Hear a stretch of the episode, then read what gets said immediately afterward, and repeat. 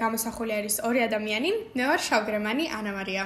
მე კი სტაფილოსფერ მაისურიანი კეთო. დღეს ვისაუბრებთ თვით დაჯარებულობაზე.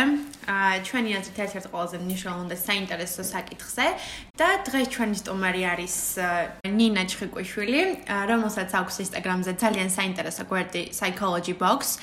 ლინკში მივუთითებთ, ამ გვერდზე შეგიძლიათ გამოიწეროთ. დღეს გვინდა მასთან ერთად, რადგან უფრო კომპეტენტური არის, ვისაუბროთ თემაზე თვით დაჯარებულობა. გამარჯობა ნინა. გამარჯობა. ძალიან ძალიან მიხარია რომ მომიწვიეთ თქვენთან, იმიტომ რომ მეც ყოველთვის ვადევნებ თქვენს პოდკასტებს თვალყურს და ჩემთვის ძალიან საინტერესოა. როგორც ქეთო მაგნიშნა უკვე, მე მაქვს ჩემი სამოტივაციო გვერდი, ფსიქოლოგიის ყუთი. ამ გვერდის შექმნა გადაწყვიტე იმიტომ, რომ ზოგადად ადამიანი მაინტერესებს ძალიან და შესაბამისად ის მოტივები, რის გამოც კონკრეტულ ქმედებას ახორციელებს, ჩემთვის არის ძალიან ძალიან საინტერესო. თანაც როდესაც დავუკვირდი რა იყო ყველაზე მნიშვნელოვანი ზოგადად ადამიანებთან და საკუთარ თავთან ურთიერთობაში, მივხვდი რომ ეს ადამიანის შესწავლით ყველა კითხვას გაეცემოდა პასუხი. ჩვენ ესე გვაინტერესებს რა იყო ის ახლა მთავარი მიზეზი რის გამოც მოგინდა რომ ესე უცებ Instagram გვერდი შეგექმნა და ხალხისთვის ეს ყოველდღიური სიახლეები რაღაც ინფორმაციები მიგეწოდებინა. კიდე მაინტერესებს ანუ რა არის ის მამოტივირებელი რაც დღემდე გაძლდებენებს რომ ყოველდღე ესე ფიდი გააკეთო რაღაცები ტვირთო ეს შემდეგ. იმიტომ რომ ვიცი ბევრ დროს გართმევს რა. კი, შრომატევადი არის, მაგრამ გამომწერების ინტერესი და მათი შეტყობინებები არის თავარი მამოტივირებელი ძალა. რა რაც შეეხება რატომ გადავწყვიტე Instagram გვერდის შექმნა, უფრო მეტად მაინც უკავშირებ პანდემიას, იმიტომ რომ ძალიან ძალიან დიდი ტალღა წამოვიდა დეპრესიის, შფოთის, უმოქმედობის, იმიტომ რომ ადამიანები სახლში ჩაიკეტნენ და უბრალოდ აღარ იცოდნენ რა უნდა ეკეთებინათ და თავარი მაინც ინსპირაცია იყო, რომ მათთვის სულ მცირედით მაინც ასე ვთქვათ ამემახლებინა განწყობა. ჩემი აზრით ძალიან კარგადაც გამოგდის. შეიძლება გითხოთ ხოლმე შენს პოსტებს. კარგი, მაშინ გადავიდეთ ჩვენს თემაზე. როგორც გითხარით, დღეს ჩვენ ვილაპარაკებთ თვით დაჯარებულობაზე და ზოგადად თავდაჯარებულობაზე. ანუ ძალიან საინტერესო არის რეალურად როგორ ახდენს გავლენას თავდაჯარებულობა იმაზე, თუ როგორ მოქმედებენ, როგორ იქცევენ და როგორ ფიქრობენ ადამიანები. ამიტომ რომ ყველა ადამიანი დამოკიდებული უბრალოდ შედგება თავისი ფიქრებისგან რა. იმიტომ რომ რეალურად ყველა ის ემოცია და ნებისმიერი სახის ხედვა, რომელსაც ჩვენ სამყაროსად მივახორციელებთ, რეალურად ქმნის იმ პიროვნებას, რომელიც ჩვენ დღეს ვართ.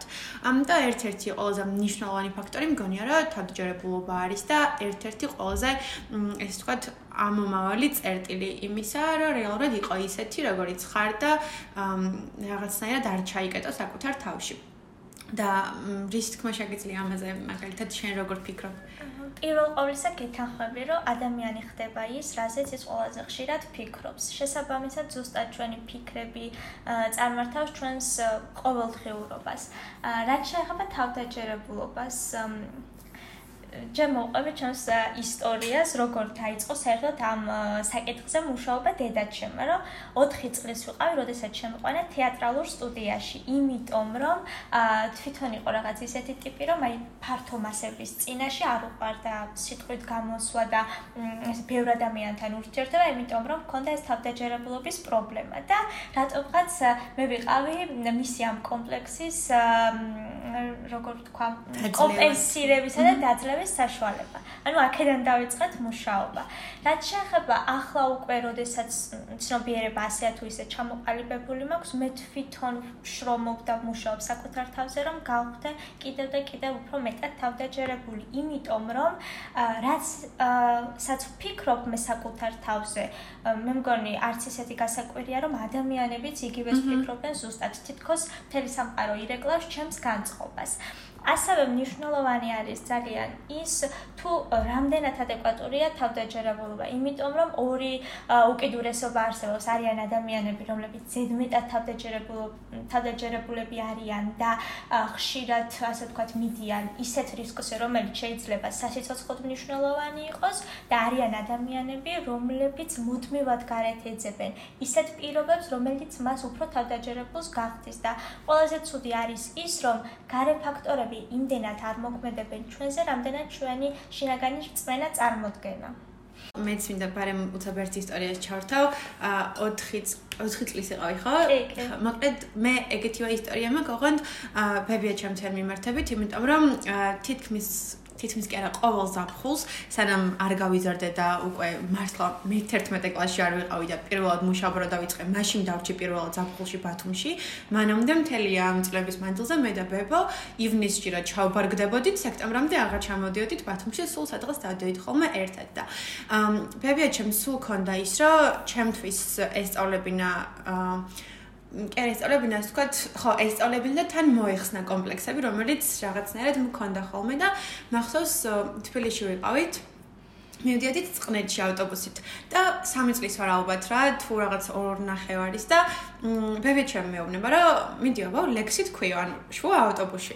ხა და მეთქი ბებო არა რაღაც არა არა მაგრამ ბავშვი რო ხარ უფრო მარტივად გიყოლიებენ რაღაცებზე და ნახსოვს რომ ეს ბებე ჩემ დამაყენა მთელი ავტობუსის წინაშე და მთელი გზა ბათფილისთან წყნეთამდე უყარბოდი ლექსებს და ჩემი გამოსვლა მქონდა მოკლედ რა იქ და ძღოლი ბოლოს ეხეს რა დამენახეთო ერთი ეგ ბავშვიო ვინ არისა და თან ფოტოც მაქვს და ბებე ჩემი ამას მიყვება ძალიან დიდი სიამაყით რა.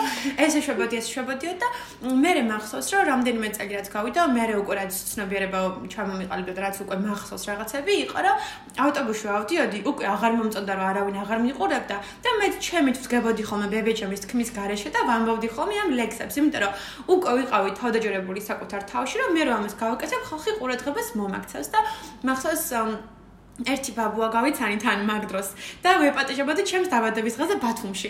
და მეთქი ჩამოდი მეთქი და რაღაცეები რა და თავიდან მახსოვდა რა ის მოგონება მქონდა და ბებია ჩემს რო გავუზიარე მე მომიყვა ეს ყველაფერი რომ კიო ეგრე იყო რაღაცა ლექსებიც რაღაცა რაღაცა და რეალურად ძალიან დიდ როლს თამაშობს ბავშვობიდანვე აი ამ რაღაც კომპლექსების დაძლევა და თავდაჯერებულობის მიცემა სამომავლოდ.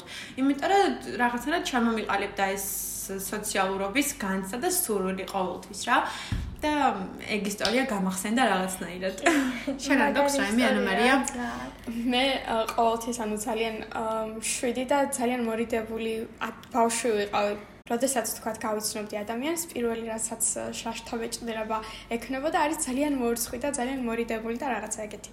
მაგრამ ანუ მე რაც უფრო გავიზარდე, სკოლამაც რა თქმა უნდა ძალიან დიდი როლი ითამაშა იმაში, რომ ჩემი თქვათ აზრი დამეფიქსირებინა, უფრო თავდაჯერებული გამختარიყავი მე დაკეთა სპექტაკლს უდგამდით პატარა ოფისულში და მომიწია სცენასთან მუშაობა. მე რა კიდევ ძალიან ხშირად დავდიოდი სხვადასხვა ბანაკებში, ყოველ ზაფხულში რაღაც ბანაკებში დავდიოდი და მ თავიდან როცა დავიწყე რაღაც მე მე-9 კლასში ამ ბანაკებში სიარული, ძალიან ხედავდი ჩემს სიბრუნვე ბავშვები ძალიან თავდაჯერებულები იყვნენ და ძალიან გამბედავები და მე სულ რაღაცა მრცხვენო და საკუთარი თავის გამოხატვა ამ ბოლდერს გავიაზრე რომ ასეთ მეთოდს მიმართე. Fake it until you make it.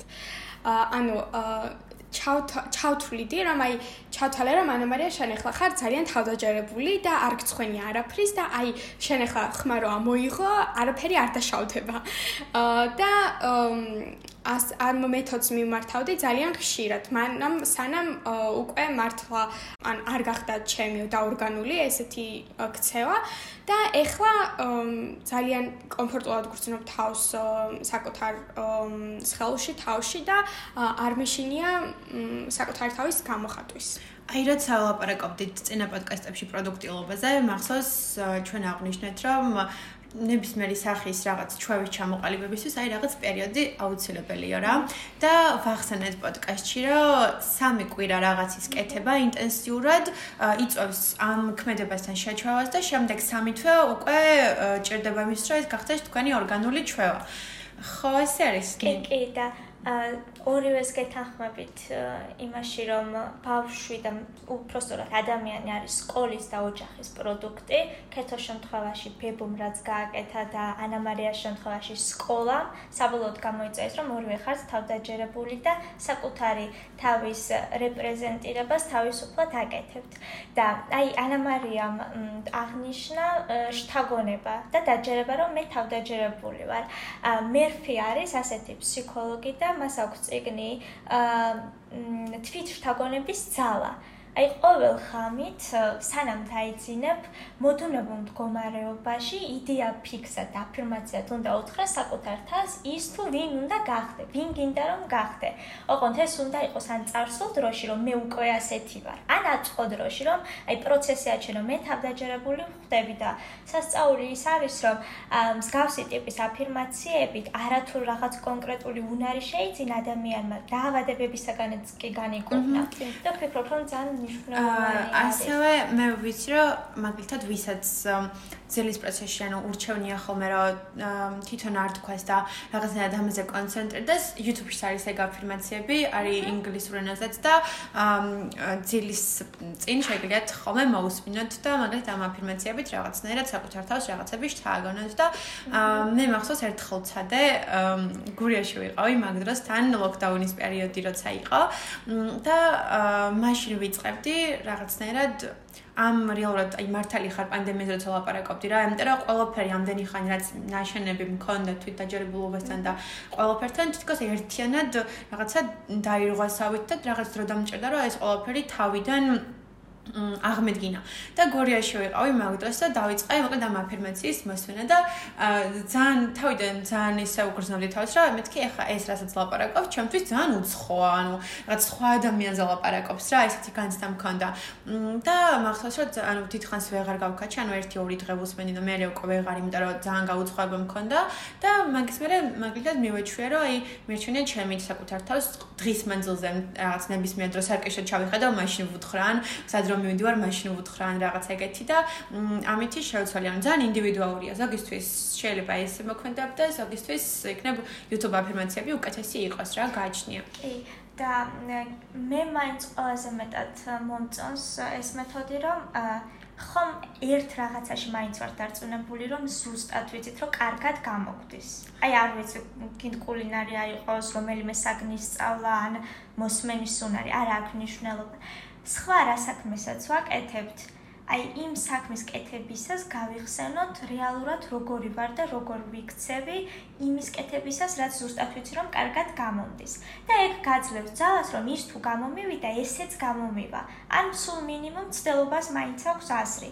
იმიტომ რომ იქაც თავიდან ხო იდეალურად არაფერი არ გამოგდის. რაღაც ნაბიჯები გაიარე. თავდაჯერებული რო არ არის ადამიანი, ყველაზე მეტად პრობლემა განაშედეგში გამოიხატება, პროცესში გამოიხატება, რომ დავმარცხდები, რომ არ გამომივა, არ ვიცი, დამცინებ ეს საზოგადოებისას კიდევ ძალიან დიდი მნიშვნელობა აქვს ამ დროს და შესაბამისად იმის გახსენება და ასე ვთქვათ, აა საკუთარი თავის შეგულიანება, რომ თუ ის გამომივიდა, ესეც დიდი ალბათობით გამომივა, ძალიან კარგია ხოლმე. მე მაგალითად ამ მეთოდს მივიღენებ.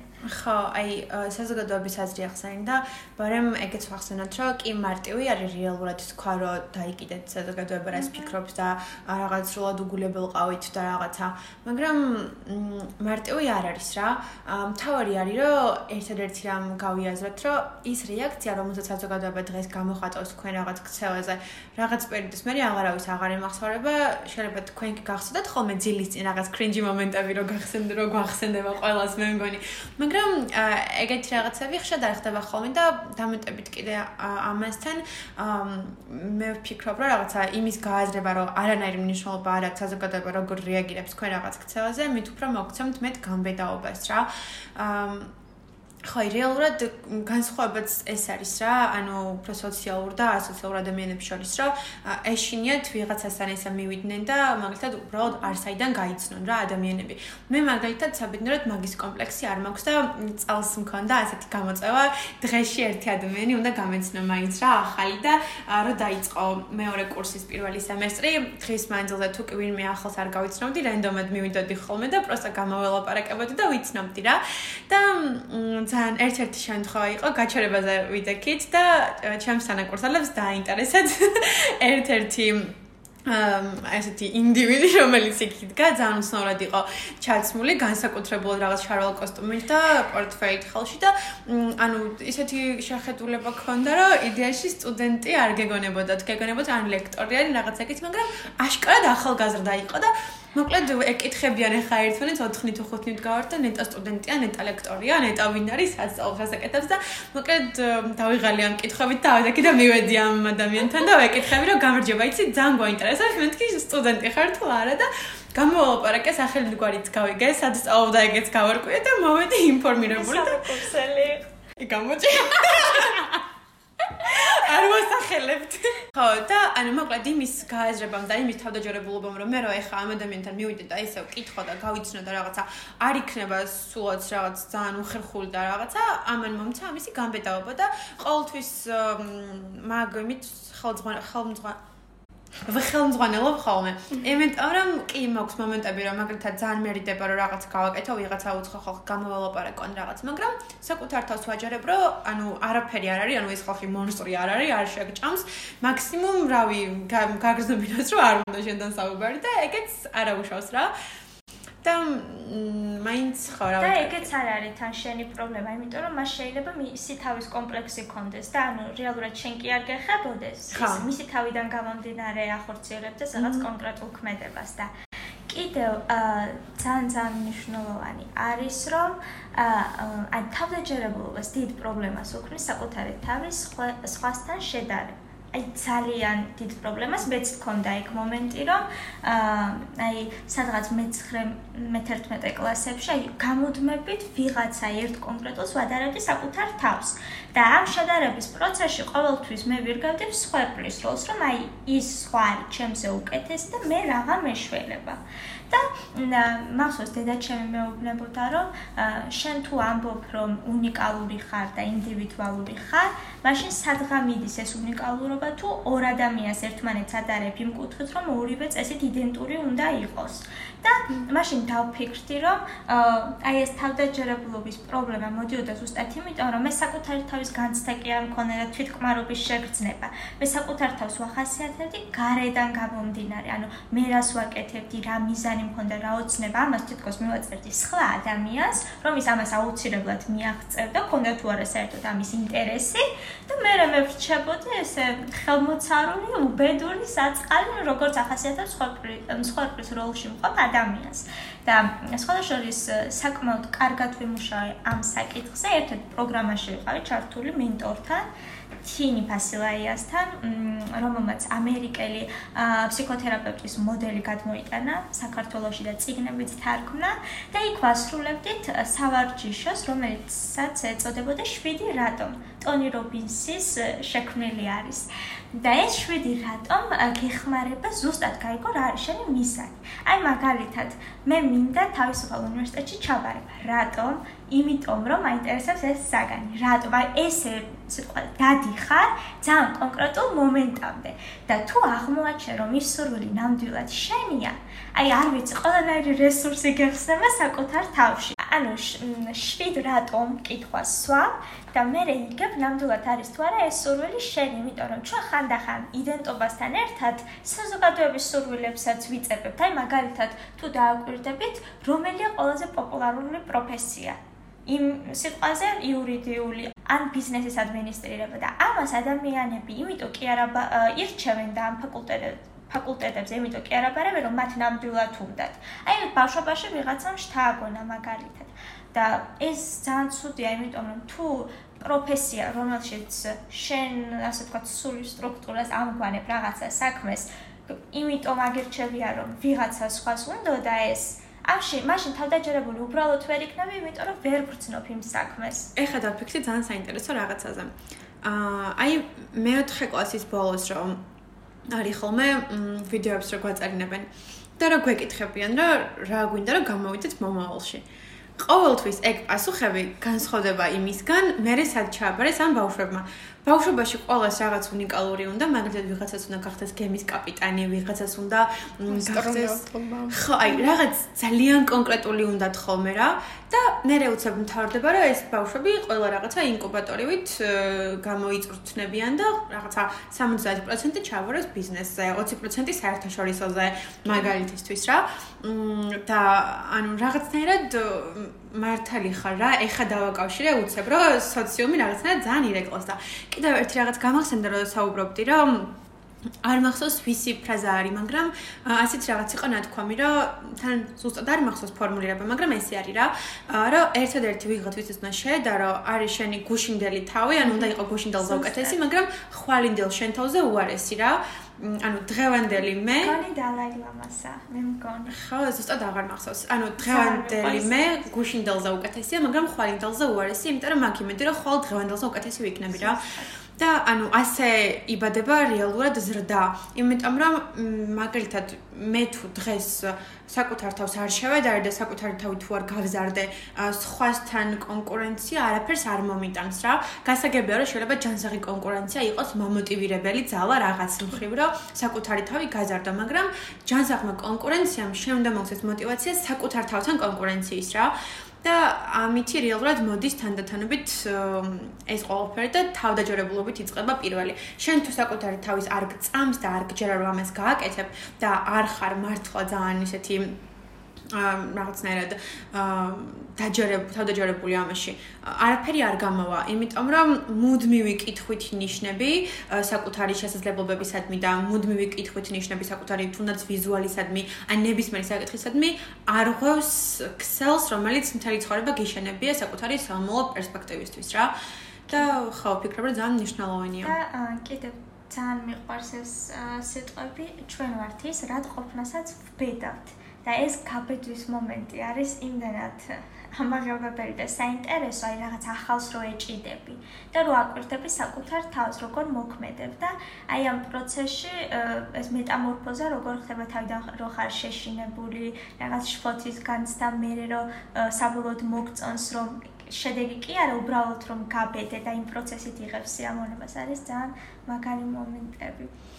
ამ თავდაჯერებულობაზე კიდე მახსენდება ერთი ძალიან ისეთი, რავი, ყოველდღიურობაში მომხდარი მოვლენა, ასეც მას ეხება. აი მაგალითად ერთ დღეს რა ჩაიცომთ რაღაც კარგ იმას რა ქვია, აუთფიტს რა, ასმოს და რომ მოგწონს რა, აი რაღაც ძალიან მაგრად გიხდება და ძალიან კარგად გამოიყურები და აი ხარ გახოლ ყველა შენ შემოგხედავს და მოკლედ რა, ანუ you are the main character რა, რაღაცა ეგრე რო გრძნობ თავს და მეორე დღეს კარგ ხასიათზე რო არ ხარ და მაგალითად ისევე ექტანის ამას რომ მოირგო და ხვდები რომ ეს რას გავს? გუშინ ასე ვიყავი გარეთ გასული? ანუ რეალურად ყველაფერი არის დამოკიდებული იმაზე თუ როგორ უყურებ შენ რაღაც საკითხს და შესაბამისად როგორ განეწყობი მე ამასთან მიმართებით. რა მეცხარ დაამეტებ ანუ მარია გისმენთ და არ მინდა შეგაწყატინოთ აზრის გამახატვა აი რა საინტერესოა საუბრობთ ჩაცმულობასთან დაკავშირებით გამახსენდა ეხლა რაღაც. ანუ ესეთი ციგნი არის შენი სიყვარული მჭირდება ეს სიმართლეა? ანუ ზუსტად საზოგადოებისა და ადამიანის ურთიერთდამოკიდებულებაზე არის და ერთი ესეთი სავარჯიშო არის თვითონ აი ამ ციგნის ავტორის შექმნილი ბაირონ კეითის რომ მანამ სანამ ასე ვთქვათ პაემაზე წახვალ როდესაც ნუ წესრიგდებიდან ჩაიცვიდან საკის წინ გახარ, დაუსვი საკუთარ თავს ასეთი კითხვა, ვინ ვიქნებოდი იმ ფიქრის garaშე, რომ მე მას უნდა მოვეწონო. და ანუ ასე ვთქვათ, გამორთო მთლიანად ეს ხვისი დამოკიდებულება და ჩაიცვა ის gara, იმიტომ რომ სხვას მოეწონა, არამედ იმიტომ რომ შენ მოგწონს იმ ტანსაცმელში საკუთარი თავი. და მე იმდენად თავისუფლად მოდის ასე ვთქვათ, ეს კომპლიმენტებიც და ასე ვთქვათ, დამოკიდებულებაც იმდენად კარგია, უბრალოდ მაშინ, როდესაც არ შეეცდები, ანუ ბუხოვსკის საფლაზე რო არის წარწერა, ნუ შეეცდები, იმიტომ რომ რასაც დაჟინებით მისდევ და ეჭიდები, ის უფრო გაგირბის. და ამის ასე ვთქვათ, მუდმივი სურვილი რომ მან მაღიაროს, მოვეწონო ნეტარა სიტყვი, ან უბრალოდ საკუთარ თავთან გაშორებს და რეალურად ქმედი თუნარიანი ვეღარ ხდები, იმიტომ რომ ჩასაფრებული ხარ ვაიმე ნეტარა სამყარო. ეხა გამახსენდა, მოკლედ ესეთი ავტორი არის ალან უესტი და დაწერილი აქვს წიგნი აღმოსავლური სიბრძნე და თანამედროვეობა და იქ იყო მოკლედ მაგალითად ერთ-ერთი რაღაც ქვეთავი და ასეთ რაღაც ეწერა, რომ ადამიანი არის მიკროკოსმოსი, რომელიც საკუთარ თავში ყოველდღე მსოფლიოს განაგებსო რა. და ანუ ეს ფრაზა წავიკითხე რამდენიმე წლის წინ და რეალურად ესე თითქოს გადავიკითხე სავით ეგ ქვეთავი. მაგრამ ძალიან ჩამრჩა და სადმე თუ მაქვს შესაძლებლობა რომ ეს ფრაზა ჩავაკვეხო, ყველგან ვაკვეხებ, იმიტომ რომ ძალიან ბევრ რაღაცას გეუბნება რა. პირველ რიგში ის რომ ყველა ინდივიდი რაღაც მიკროკოსმოსი არის და ამ მიკროკოსმოსებისგან შემდგარ სოციუმში არის თითოეულ ინდივიდში არსებული ყოველდღე მსოფლიო, რომელიც წარმოიდგინეთ რამხელა რაღაცას ქმნის. და როცა ადამიანს აქვს იმისი საშუალება, რომ საკუთარი თავი აღიაროს როგორც ყოველდღე მსოფლიოს ბატონ პატრონი, შესაბამისად აქ იმის უნარიც რომ რაღაცნაირად ეს ყოველდღე მსოფლიო მოაწყოს ისე როგორც მას თავად უნდა რა. ანუ ყოველ ჩვენი თავის შემოქმედი ვართ რეალურად. და ანუ ეს თავდაჯერებულობა, რომელიც გვიწყობს ხელს, რომ ვიყოთ მე ისეთები, როგორც ჩვენ გვინდა რომ ვიყოთ, არის პირდაპირ კავშირში ამ ყოველდღე მსოფლიოს მოწყობასთან. და ზოგადად კიდევ ასეთ რაღაც არსებობს სპირიტუალურ ციგნებში ბევრ ჯერ ნახავთ ამას, რომ ყველა ადამიანი არის რაღაცა თავისი ვიბრაციის ანარეკლი და იმის ვიბრაცია, რასაც ჩვენ გავცემთ, გვიბრუნდება ზუსტად ბუმერანგივით სამყაროსგან და ამ შემთხვევაში გულისხმობა ის, რომ ნებისმიერი ემოცია, რომელიც ადამიანს გააჩნია, არის დაკავშირებული რომელიღაც ვიბრაციასთან. და ამიტომ აი რომ მაგალითად დადებითი ემოციები ასოცირდება უფრო მაღალ და უფრო ფართო ვიბრაციულ ტალღებთან, მაშინაც სევდიანი ემოციები არის ასოცირებული უფრო ვიწრო და დაბალ სიხშირესთან და ამიტომ აი რომ ადამიანი არის ცუთხასიათი და სტრესულად თავს მძიმედ გრძნობს, იმიტომ რომ მძიმე ვიბრაციული ტალღები აქვს. და შესაბამისად იქიდან გამომდინარე რომ ყველაფერი არის რაღაცა ენერგეტიკის და ატომების მიმოცვლა და ასე შემდეგ, ის ვიბრაცია, რომელსაც ადამიანი უშვებს და ის ტალღები, რომელიც მისგან მიდის, ირეკლავს იმავე ვიბრაციის მქონე ადამიანებს, იმავე ვიბრაციის მქონე სიტუაციებს და იმავე ვიბრაციის მქონე განწყობებს და შესაბამისად, ანუ თავდაჯერებულობა კი ქვია ამ ყველაფერს, მაგრამ ამას მერე თავისი რაღაც ახსნებიც აქვს რა, მეცნიერული ასე ვთქვათ. და ერთ-ერთი არის ეს, რომ მაშინ როცა კარგ ხასიათზე იქნებით, სულ დადებით რაღაცებს, ნაკლად გასცემთ, თავს დაანებებთ რაღაც ცუდ ფიქრებს, სხვების განსჯას და კონცენტრირებული იქნებით საკუთარ თავზე. ეს თქვენი ვიბრაცია და ეს თქვენი დადებითი ემოციები იმდენად გაიზრდება, რომ რეალურად ყველა სიტუაცია, რომელშიც შემდეგ მოხვდებით, იქნება თქვენი ემოციის ანარეკლი და თანდათანობით ეს სიტუაციები თქვენი ყოველდღიურობა გახდება და მაშინ რაც ხართ სულ დეპრესიული, მაგალითად, სულ საკუთარ თავში დაურწმუნებლობის განცდა გაქვთ და რაღაცნაირად თვით შეფასების უნარის გიქვეითდებათ ამ დროს იზიდავთ ისეთ სიტუაციებს რომელიც ამ განწყობას ერგება. და აქედან გამომდინარე თქვენზა ეს ყველაფერი ძალიან ცუდად მოქმედებს და ანუ პირველ რიგში თავდაჯერებულობა უნდა გაზარდოთ ამ ვიბრაციასთან პარალელურად რა. ეს რო წავიკითხე ძალიან საინტერესო ასოციაციები გამიჩნდა და მე ვხვდი რომ რეალურად ამ სამყაროს მარტო ესეთი თვალით პრაგმატული თვალით ვერ შეხედავ და ნებისმიერი რა ვიცი მოქმედება იწყება საკუთარ თავზე ფიქრით და საკუთარ თავზე ორიენტირებით და კიდევ ერთი რაღაც და მე გააგრძელეთ რომ ისა რა ქვია. ეს ესეთ რაღაც იყო რომ ჩვენი ტვინი ჩვენს თავს როცა ფიქრობთ ან ჩვენ თავზე მომავალში როცა ფიქრობთ, მაგალითად 3 წლის მერე მე ასეთი ვიქნები, ამ დროს ჩვენი ტვინი გამოყოფს ისეთ ჰორმონს, რომელსაც ჩვენ გამოვყოფთ სხვა ადამიანზე საუბრის პროცესში რა. ანუ ჩვენი ტვინი ჩვენს future selves, ანუ მომავალ ჩვენ თავს აღიქონს როგორც უცხო ადამიანს. აა და ამას არაკეთებს წარსულ მეზე. ანუ წარსულ მეზს აღიქონს როგორც ჩვენ თავს, მაგრამ მომავალ მეზს აღიქონს როგორც სხვა ადამიანს. ამიტომ ერთადერთი საშუალება რომელთაც თქვენ მაგალითად მოგინდებათ რომ თქვენ თავჯერებულობა შეცვალოთ და ამით თქვენი თავით შეცვალოთ ერთადერთი ამისი თავარი გასაღები არის ის რომ კონცენტრირდეთ თქვენს ახლანდელ თავზე რომელიც არის მაკავშირებელი თქვენსა და მომავალ თქვენს შორის იმისათვის რომ მომავალი თქვენ არ იყოს გაგებული როგორც უცხო არამედ იყოს გაგებული როგორც თქვენი საკუთარი თავი. და იმის ფიქრი რა რომ მაგალითად აი მე ერთი წლის მერე მაგალითად ვიქნები ძალიან კარგი ადვოკატი არ მოგიტანთ არაფერ. კარგს ვიდრე ის რომ თქვათ რომ მოდი მე დღეს ამას ვიმეცადინებ იმისთვის რომ მომავალში ეს რაღაცაში გამომადგება. მოდი მე დღეს დავიწყო ვარჯიშს, იმიტომ რომ ერთ წელს მერე უნდა ვიყო კარგ ფორმაში. და არა მარტო იმის ფიქრი, რომ აი მომავალში ესე ვიქნები, მომავალში ესე გავაკეთებ. არამედ ყველაფერი დაიწყეთ ამ წუთას, ახლა, ახონდელზე ფიქრით. და იმისი განცდა, რომ თქვენ თავდაჯერებული ხართ, ახლა უნდა დაიწყოთ, ანუ მომავალში ვიქნები და მერე გავაკეთებ, არა, ანუ ახლა ვარ, მე ახლა თანათან ვიწყებ რომ ვიყო თავდაჯერებული და ეს ყველაფერი ერთ თვეში, ერთ წელში გამოიღებს შეტკს. აი, რაც ახლა შენახსენი ქეთო, მაგას კოუჩინგში ეწოდება აქ და ამჟამად ყოფნის მდგომარეობა და ყველაზე ცუდი ადამიანებს რაც გვახასიათებს არის ჩვენი გონება მუდმივად გაჭედილია ან царსულში ან მომავალში. და ეს აწყოს შეგრძნება, რომელიც რეალურად გვეკუთვნის, царსული აღარ გვეკუთვნის, მომავალი ჯერ არ გვეკუთვნის, ხო? საერთოდ იკარგება და რეალურ შედეგს მართლა ამ აწყოში მოქმედება იწვევს. იმ მოცემულობის შეგრძნება და არა ოცნება მომავალზე ან царსულზე გარდი, რომ აი ეს რატო არ გავაკეთე და ასე და ასე შემდეგ. ეხა გამახსენდა ერთი ლექსი. აა მეცადე როგორ იყო? ცხოვრება რა? ხან ნატრა ხან გაოცება? საქმეებისთვის ვეღარ ვიცლით ფიქრის მონები. გუშინდელი დღე დღევანდელზე არის ოცნება ხოლმე კი ვიცხოვრებ დღევანდელი დღის მოგონებით. ანუ ძალიან სუსტად ეხმიანება მაგას რომ დღევანდელი დღის დააწმყო შეგრძნება გვაქვს დაკარგული და გუშინ ცხოვრობთ გუშინ ცხოვრობთ დღევანდელი დღის ფიქრით და ხვალ გვექნება გუშინდელი დღის მოგონება ანუ წარსულისა და აწმყოს ურთიერთ აა კარა წარსულისა და მომავლის ურთიერთქმედება და ამ ურთიერთქმედებიდან კიდე აწმყოს სრულად არის ამოღებული რა. კიდევ რა სიტყვა და თავჯერებულობასთან დაკავშირებით, იმიტომ რომ მე ვფიქრობ, რომ ეს არის ერთ-ერთი ყველაზე ესეთი კონცეპტუალური საკითხი, რომელიც ყველა ადამიანს აწუხებს და რაღაც მომენტში დგება იმის საკითხი, რომ აი როგორ ვიყო თავდაჯერებული, აი ის როგორი თავდაჯერებულია და კიდევ ერთი რაღაც ეხა, ანუ უცებ მახსენდება ხოლმე, ზოგადად ძალიან მიყვარს ასეთი რაღაცების კითხვა და თუ კი სადმე რაიმე სტატია შემხვდება, ყველაფერს კითხულობ ხოლმე და ამ საკითხზე ინფორმაცია მაქვს, როგორიც აი ფაზლივით რო ააწყო რაღაც ერთი სურათი, ანუ პატარ-პატარა ნაწილებით შეწებებული რა რაღაცა ეგრე. და ეხა გამახსენდა მოკლედ აა და დამოუწყდა რა გამახსენდა. აა ერთი გოგო ამბობდა რომ თუ გქონიათო ისეთი შემთხვევაო რომ ხართ მაგალითად უცხო წრეში და ვიღაცა ერთი გოგო ან ერთი ბიჭი არის ისეთი რომელიც შეიძლება ვიზუალურად და რაღაც ძალიან მაგარ მაგრად არ გამოიყურებოდეს მაგრამ რაღაცნაირად არის ყურადღების ცენტრში ხო? ანუ თითქოს რაღაც აქვს ამ ადამიანს ისეთი რაც შენ გიფიცკებს რომ აი მისკენ გქონდეს მიმართული და მთელი ენერგეტიკა მისკენ არის ფაქტობრივად რა.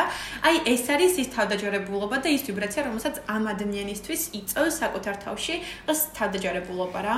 ზუსტად აი მეც გეთანხმები და ბევრ ჩემ მქონია ესეთი შემთხვევა რომ ვიღაც ადამიანს მithქვამს რომ აი ხო რეალურად ისეთი განსაკუთრებული არაფერია მაშინ ვიზუალური კუთხით მაგრამ ის თვითკმარობის გრძნობა არის ყველაზე მაგარი. მე მაგალითად აა ვიცნობ ფსიქოლოგებს, ანუ ჩემი უბრალოდ მეგობრები არიან, ზოგი ჩემი მეგობარიც სწავლობს და გქონდა აი ამ თემაზე საუბარი, რომ რამდენად ხშირად, ასე ვთქვათ, ვარჩევთ ტანის სამოს იმ ასე ვთქვათ მოტივით, რომ აი თუ მოვაწონებთ სხვას თავს და მაშინ მითხრა ერთ-ერთმა ჩემმა მეგობარმა, რომ მე ეგრეო არასდროს არ ვფიქრობო. იმიტომ რომ ის თვით ხმარობის განცდა, რომელიც მე მაქვსო, მეხმარება რომ რა ტანისამოსაც ჩავიცმებ, მასში ვიყო კომფორტულად და ამ ასე ვთქვათ, გადმოსახედიდან ვიმოქმედო და გასაკვირი არის ის, რომ მე ძალიან ბევრს მოსწონსო და სულ მეუბნებია რა კარგად გამოიყურებიო და რეალურად ეს ტანსაცმელი კი არ არის დამოკიდებული მე რამდენად ასე ვთქვათ, ავთენტური ვარ საკუთარ თავთან და რამდენად კომფორტულად და ჰარმონიულად გრძნობ საკუთარ თავთან ყოფნას. ეს არის ძალიან მნიშვნელოვანი. ანის ამასე გამახსენდა რომ ანუ ხშირად არის რომ ბევრი ჩემი მეგობარი წინასწარ არჩევს რაღაც ღონისძიებისთვის ტანის სამოს და აი თქვა ჩემი დაბადების დღე არის ან და ვიღაცა რაღაც ღონისძიებაზე უნდა წავიდე და ჩემი და სულ მეკითხება ანა მარია რა რის ჩაც მოსაპირებ? არასოდეს არ მაქვს მაგაზე პასუხი იმიტომ რომ აი როცა დაბადების დღემდე რამოდენიმე საათი ან რამოდენიმე წუთი არის დარჩენილი და როდესაც უნდა დავიწყო მომზადება ყოველთვის მაშინ ვარჩევ ტანსაცმელს იმიტომ რომ ჩემს განწყობაზე არის დამოკიდებული რას ჩავიცმო და ყოველთვის მინდა რომ კომფორტულად ვიყო ვიგრძნო თავი. და ნინიმ რომ ახსენა გარეგნობაზე შეუმჩნია რომ გარეგნობა არის პირველ რიგში რაღაც პირველი შთაბეჭდილების შექმნის შესაძლებლობა და ზოგადად ეს გარეგნობა მხოლოდ იმისთვის გვჭირდება რომ ადამიანები ადამიანები ერთმანეთისაგან გავარჩიოთ. ანუ როდესაც თავიდან გაიცნობ ადამიანს რაღაც შეიძლება მომხიბვლელი იყოს და მოგეწონოს და რაღაცა მაგრამ შემდეგ რომ გაიცნობ ამ ადამიანს ეს მისი გარეგნობა გჭირდება მხოლოდ იმისათვის, რომ იცნო ის ადამიანი, რომ აი ეს ანამარი, ანუ ეს ადამიანი, ვისაც ესაუბრები, არის ანამარია. და გარეგნობა საერთოდ ივიწყებ და არც კი გახსოვს, იმიტომ რომ როდესაც იცნობ ადამიანს, შენ შინაგანი განწყობის მიხედვით გამახსოვრდება ეს ადამიანი და არა თქვა გარეგნობის.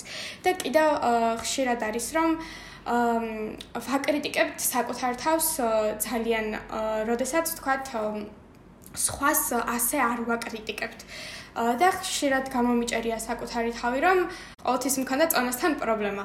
და ხშირად მიფიქრია, რომ აი იქნება არ მოვეწონო ადამიანს ჩემი გარეგნობის გამო, მაგრამ მე მე ხშირად ვფიქრობ, რომ აი ანა მარია შენ თვითონ ადამიანს იმისთვის ემეგობრები, რომ გარეგნულად ლამაზი არის, ან გარეგნულად სუსტი არის და კარგ ფორმაში არის თუ იმის გამო, რომ შინაგანი სამყარო მოგწონს, მას უგებს საერთო ინტერესები გაქვს, მასთან ერთად ყოფნა ქსიამოვნებს და მე რა ვიაზრებ, რომ ანუ გარეგნობა არანაირ არ არასრულებს მეგობრობაში ძალიან დიდ საერთოდ არასწორებს შემიაზრეთ გავლენას ნიშნობა აქვს. კარგი, მე მგონი შავა ჯამოთ უკვე შეგვიძლია აა ძალიან საინტერესო საუბარი იყო, განსაკუთრებით ნინის საუბარი ძალიან ბევრი რაღაცა გავიგე. მე ძალიან საინტერესოდ მომეჩვენა რეალურად, იმიტომ რომ აა ის რაღაცები რაც თითქოს ყველამ ზოგადად ვიცით, ნინის ნალაპარაკებიდან გამოვიდა, რომ ამ ყველაფერს თან თავისი სახელიც აქვს, ამაზე არსებობს რაღაცები დაწერილა, რაღაცა უკულევიათ ეს საკითხი და ძალიან საინტერესო და ასე ვთქვათ, მრავლის მომცემი იყო პირადად ჩემთვისაც. ძალიან დიდი მადლობა რომ დაგვთანხმდი დღეს პოდკასტის ჩაწერაზე. ერიქით, ჩემთვის იყო ძალიან საინტერესო და სასიამოვნო, ზოგადად თქვენ ერთად ყოფნა საინტერესო და სასიამოვნოა ჩემთვის და აი, თავარი რაც არის, რომ ვიყოთ საკუთარი თავი. აი, თუ იმ მდგომარეობამდე მივალთ, მამარდაშვილი რომ ამბობ და შეძლო თქვა, რომ მე ვარ მე, მაშინ გამოდის, რომ შენ ხარ აბსოლუტურად ჰარმონიაში იმ ადამიანთან, ვისაც წარმოადგენ და ვინც ხარ და ამასთანავე არ გიჭირს კოორდინირება საზოგადოებაში, იმიტომ რომ არ გაქვს, ასე ვთქვათ, კომპლექსი და პრობლემა იმისა, თუ რას წარმოადგენ. და ამას რა თქმა უნდა, სჭირდება ბევრი შრომა საკუთარ თავზე, მაგრამ არ არსებობს რომ შრომა არ დაფასდეს. იმედი მაქვს რომ გამოგადგებათ ჩვენი ცირე რაღაც საუბრები თავდაჯერებულობასთან მიმართებით. აა და რა ვიცი, დაიმახსოვრეთ, რომ თავდაჯერებულობა პირველ რიგში საკუთარი თავისთვის გჭირდებათ და იმისთვის, რომ მოახერხოთ საკუთარი თავის მაქსიმალურად კარგად რეალიზება სოციუმში, რაც ვფიქრობ, რომ ერთ-ერთი ყველაზე მნიშვნელოვანი რაღაც არის, რადგან ერთხელ მოდივართ რა, ერთხელ ცხოვრობთ და რატომ უნდა ვიცხოვროთ დასტრესილად და ცუდად, მოსე შეგვიძლია რომ ვიცხოვროთ ძალიან ბედნიერად, ძალიან კარგად კომპლექსებისა და ზედმეტი ფიქრის გარეშე. და რა ვიცი, ჩვენ ყოველთვის ასე თქვათ, მივესალმებით იმას, თუ კი მოგინდებათ, რომ ჩვენ გაგვიზიაროთ რაიმე თქვენი გამოცდილებები და ასე შემდეგ. ჩვენი inbox-ი ყოველთვის ღია არის და რა ვიცი, Gmail-ზე, Instagram-ზე, YouTube-ზე, სადაც მოგეხერხებათ და სადაც გაგიხარდებათ. შეგვიძლია ნებისმიერ საკითხზე ვისაუბროთ. აა მადლობა მოსვენისთვის და შემდეგ ეპიზოდამდე გემშვიდობებით. ნახვამდის.